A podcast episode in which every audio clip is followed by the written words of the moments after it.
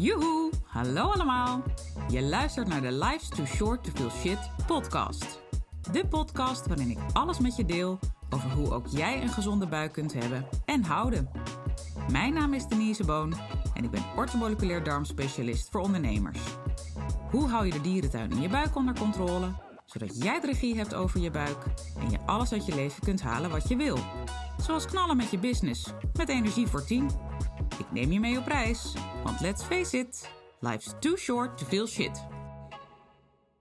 Joehoe, daar ben ik weer. Nieuwe aflevering van de Life's Too Short to Feel Shit podcast. De podcast waarin ik van alles met je deel over hoe jij je buik gezond krijgt en houdt. Eh, zodat je echt wel de regie hebt over je lijf en niet andersom. Lekker fluitend door het leven, energie voor tien. Dat is wat ik je toewens. En dat is ook wat ik elke dag ervaar. Uh, en in het verleden niet heb ervaren. Want ik kom echt van heel erg ver. Had weer alles wat je maar kan hebben. Um, maar goed, dat is gelukkig voorbij. En door mijn ervaring en ook door mijn kennis wil ik jou inspireren hoe je dat ook kunt bereiken. Vandaar deze podcast. We zijn inmiddels bij de zevende aflevering alweer. En daarbij zet ik een uh, orgaan centraal, wat ontzettend belangrijk is. En wat een beetje, of eigenlijk vind ik heel erg, onderschat wordt. Eh, ik heb hem al een paar keer genoemd in een eerdere aflevering. En hij komt ook zeker vaker voor. En weer vaker terug de komende afleveringen. Uh, want naast de darmen is dit misschien wel mijn lievelingsorgaan. Ik vind hem enorm bijzonder in wat hij doet. En um, wat hij allemaal te doen heeft, ook aan extra opdrachten door wat wij het eigenlijk dat orgaan aandoen. As we speak drink ik een kopje koffie. Um, helpt ook niet mee voor deze jongen. Nou ja, jongen, um, je snapt wat ik bedoel.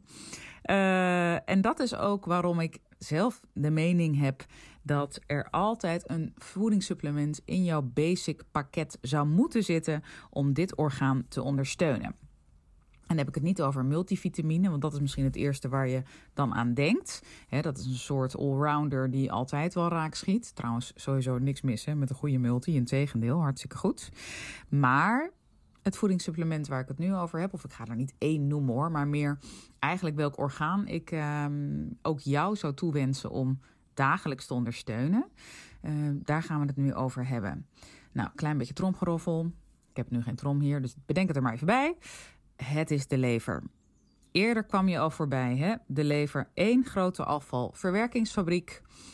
Anderhalf kilo zwaar, uh, enorm ding. Rechtsonder, nou ja, steekt hij een beetje uit onder je ribbenkast. En uh, het merendeel ligt mooi uh, veilig verborgen achter een aantal ribben. Dus dat is heel goed. Ehm, dat is ook nodig, een beetje bescherming. Hè? Als je daar een klap op krijgt, dan, nou ja, is ook niet al te fijn. Maar uh, waarom is die lever nou zo belangrijk? Nou, het heeft eigenlijk één grote schoonmaakfunctie. Vandaar mijn vergelijking met die afvalverwerkingsfabriek. Zowel bij processen die het lichaam sowieso te doen heeft, bijvoorbeeld het opruimen van hormonen, uh, maar ook stoffen die wij tot ons nemen bewust en onbewust. Dus de lucht die we inademen hè, en eventuele stoffen die daar allemaal in hangen. Althans, er hangt van alles in. Maar um, dat alleen al is een hele, hele batterij aan, aan, aan stoffen om uit te splitsen. Gaan we nu niet doen, don't worry. Maar in ieder geval die filtering daarin doen en die stoffen afbreken, zodat het lichaam dat kan afscheiden of uitscheiden. Dat is een hele belangrijke. Maar ook dingen als ik noemde even de koffie. Cafeïne uit de koffie. Een glaasje alcohol hè, in het weekend. Misschien drink je het ook al door de week. Ik zou het niet doen, maar als je het doet, hè, dan uh, heeft die lever er ook door de week nog een extra taak bij. Um, stoffen uit uh, de pesticiden bijvoorbeeld, hè, op uh, groente en fruit. eet ook zoveel mogelijk biologisch, waar mogelijk. Ik eet zelf echt niet alles biologisch hoor, maar ehm, waar mogelijk doe het wel, want daar help je dus ook je lever mee. Um, nou, zo is er nog een hele lijst. Hè. Drinken we uit een plastic fles, komen er ook allemaal kleine deeltjes plastic mee. Moet je lever ook afbreken. Nou, de ene lever kan dat beter dan de ander. Ik heb het nu even over die, die plastic deeltjes, maar dat geldt eigenlijk voor alle stoffen die ik net noemde. Nou, is bij jou de dierentuin ontploft in je buik, dan komen er extra afvalstoffen in jouw maag-darmkanaal te zitten, of eigenlijk ook in je hele systeem. Moet ook opgeruimd worden. En guess who, uh, wie dat doet, dat is ook weer de lever. In ieder geval, die speelt daar een hele centrale rol in, want die doet het niet in zijn eentje. Dus die afvalverwerkingsfabriek, ja, die overvoeren wij eigenlijk met uh, stoffen die het nog extra moet afbreken. Maar tegelijkertijd, als je even de, de vergelijking met een, fabriek voor je ziet, uh, zorgen wij vaak niet goed voor de motor in uh, die fabriek zelf om goed te kunnen blijven draaien.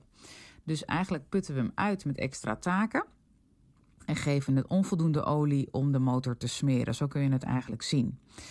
Nou, wat gebeurt er dan met zo'n fabriek als je dit maar lange tijd op die manier door laat gaan, hè, door laat uh, sukkelen? Nou, op een gegeven moment gaat die machine natuurlijk haperen. Hè? Die hele fabriek gaat haperen.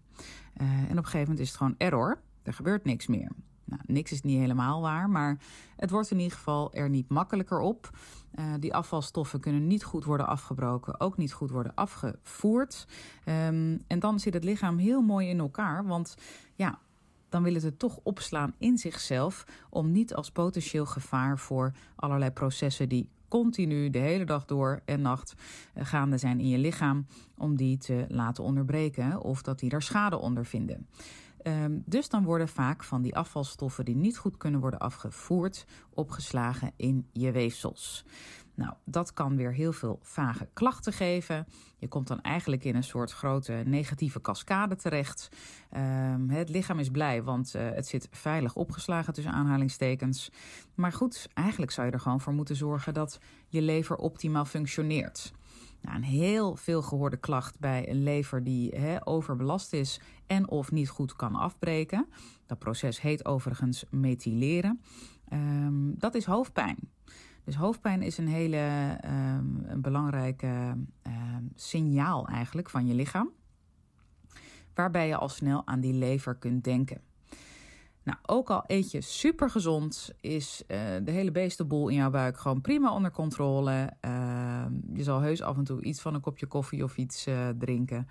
Toch heeft die lever überhaupt extra support nodig. B-vitamines zijn daar heel belangrijk in. krijgen veel mensen ook onvoldoende binnen of nemen het niet goed op. Denk even aan onder andere uh, B12. Dat is echt de hoofdrolspeler in dit geval. Uh, goede, goede maagzuurproductie is daarvoor onontbeerlijk. En bij heel veel mensen uh, is er sprake van een maagzuurtekort. Ik had het al in een eerdere podcast aangekondigd. Er komt sowieso een aparte aflevering over maagzuurtekort. Um, en dan gaan we er echt heel erg in de diepte op in. Dus dat ga ik nu niet helemaal uitdiepen, want dan gaan we de boel herhalen. En dat is niet handig. En ook helemaal niet leuk om naar te luisteren. Maar in het kort, als je te weinig maagzuur produceert, of eigenlijk jouw maag produceert te weinig maagzuur, en pepsine, dat zijn twee hele belangrijke stoffen, um, dan wordt op dat moment er minder intrinsieke factor aangemaakt. Dat is een stofje, een beetje een gekke naam vind ik het, maar goed. Um, maar dat stofje dat is heel belangrijk voor de opname van vitamine B12. En die B12 is dus heel belangrijk om je motor gaande te houden hè, van die lever. Er zijn heel veel andere stoffen die er ook bij komen kijken hoor.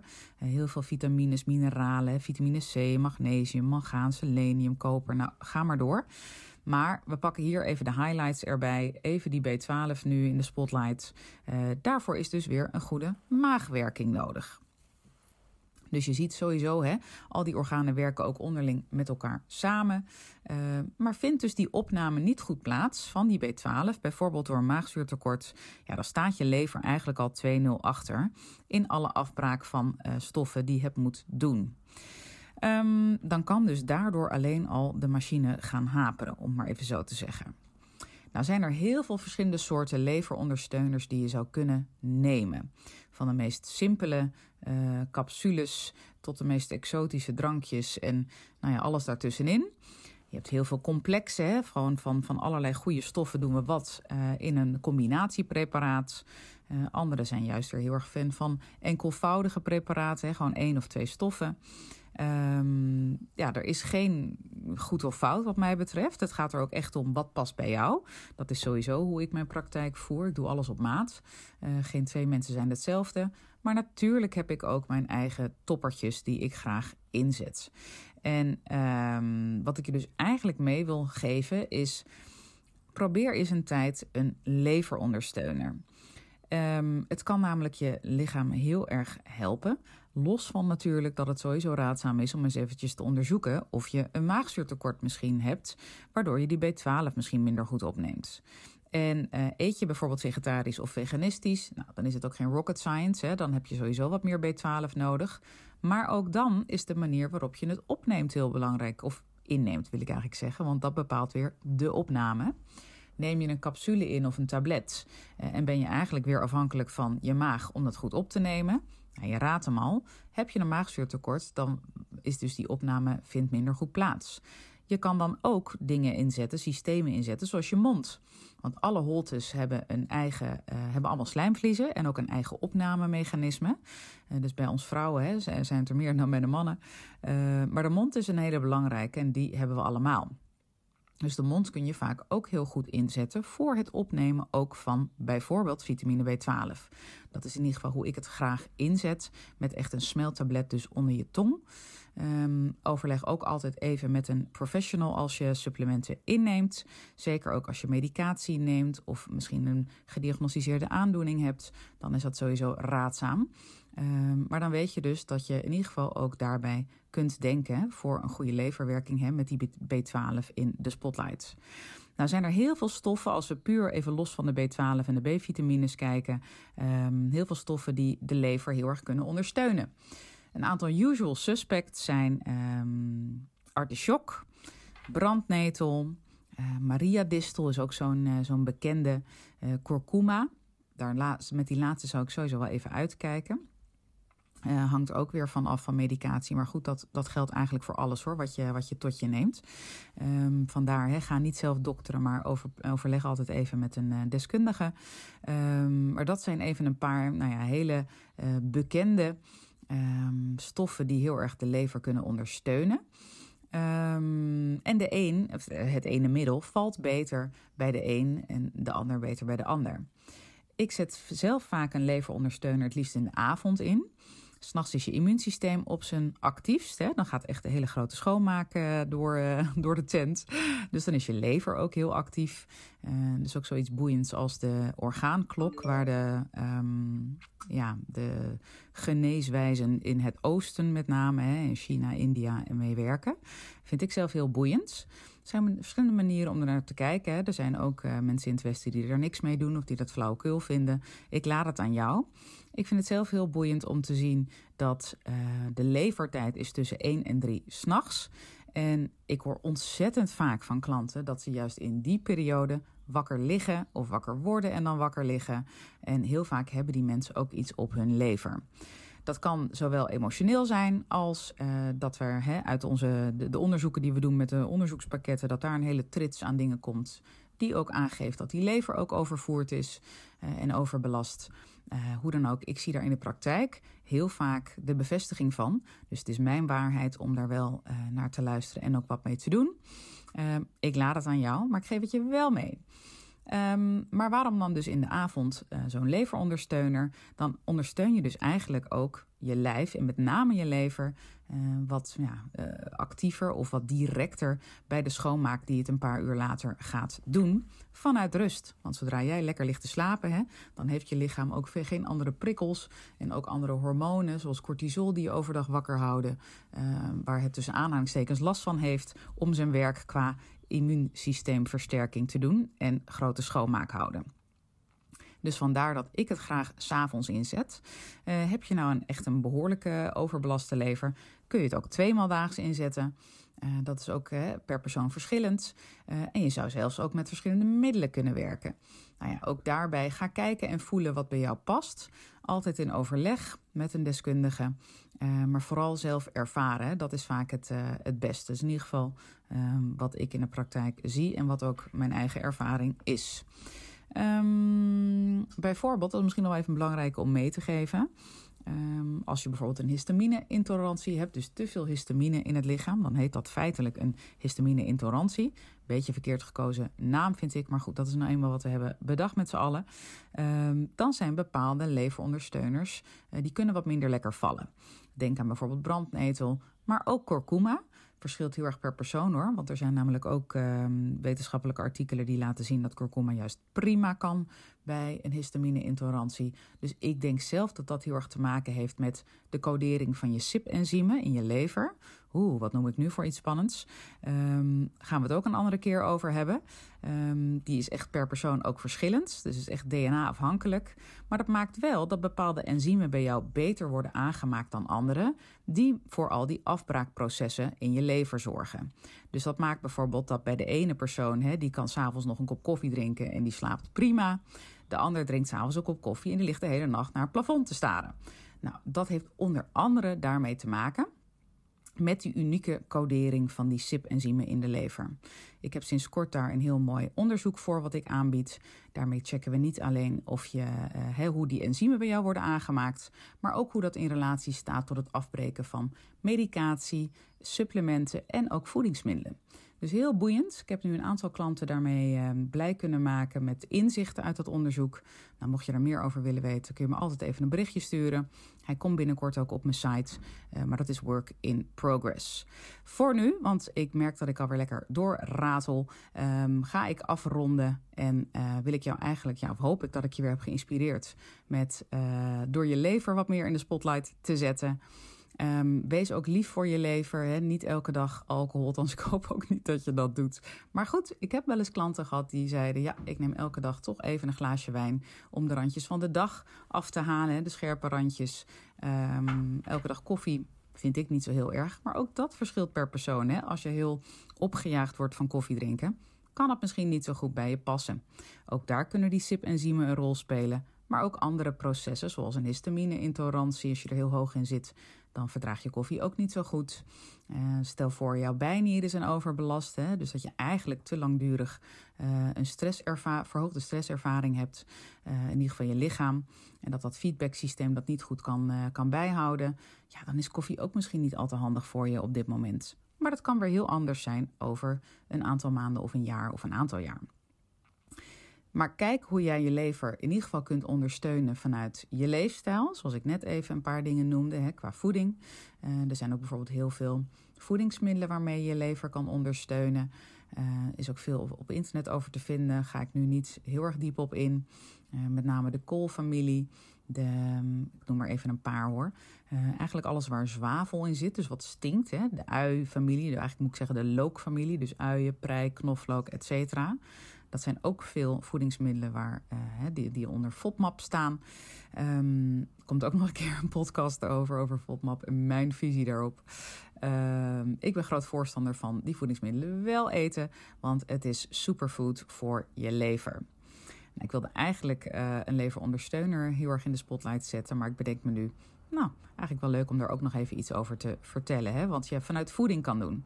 Maar goed, los van dus hoe goed jij eet en hoe goed je ook met voeding dat ondersteunt. Het is mijn waarheid dat nagenoeg iedereen baat zou hebben bij een leverondersteuner. Ook in de vorm van een voedingssupplement wat bij je past. Ga in, kom in actie. Uh, ga iets proberen. Uh, of neem dit gewoon nu even aan voor, voor wat het is. Laat het even sudderen. En wie weet komt het later nog een keer bij je op. En ga je er dan mee aan de slag. Um, nou, ik hoop je weer te hebben geïnspireerd. En um, op naar de volgende aflevering. Dag! Toppers! Bedankt voor het luisteren. Leuk dat je er weer was. Smaakt dit naar meer? Abonneer je dan even op mijn podcast. Zo zorg je ervoor dat je volledig up-to-date bent over hoe jij je buik gezond houdt with fun and ease. En als mijn afleveringen waardevol voor je zijn, laat het me dan even weten. Vind ik leuk. Je maakt me het meest blij met een korte review via iTunes of Spotify. En daarmee maak je me niet alleen blij, je helpt er ook nog anderen mee. Want door jouw review is de podcast namelijk beter vindbaar. En daardoor ontdekken meer mensen wat er allemaal mogelijk is om weer regie te krijgen over je buik en je leven. Om je ervoor te bedanken, verloten we iedere maand een histamine maandmenu kookboek ter waarde van 97 euro. De winnaar maken we bekend in de eerste podcast van de maand. Tot de volgende keer!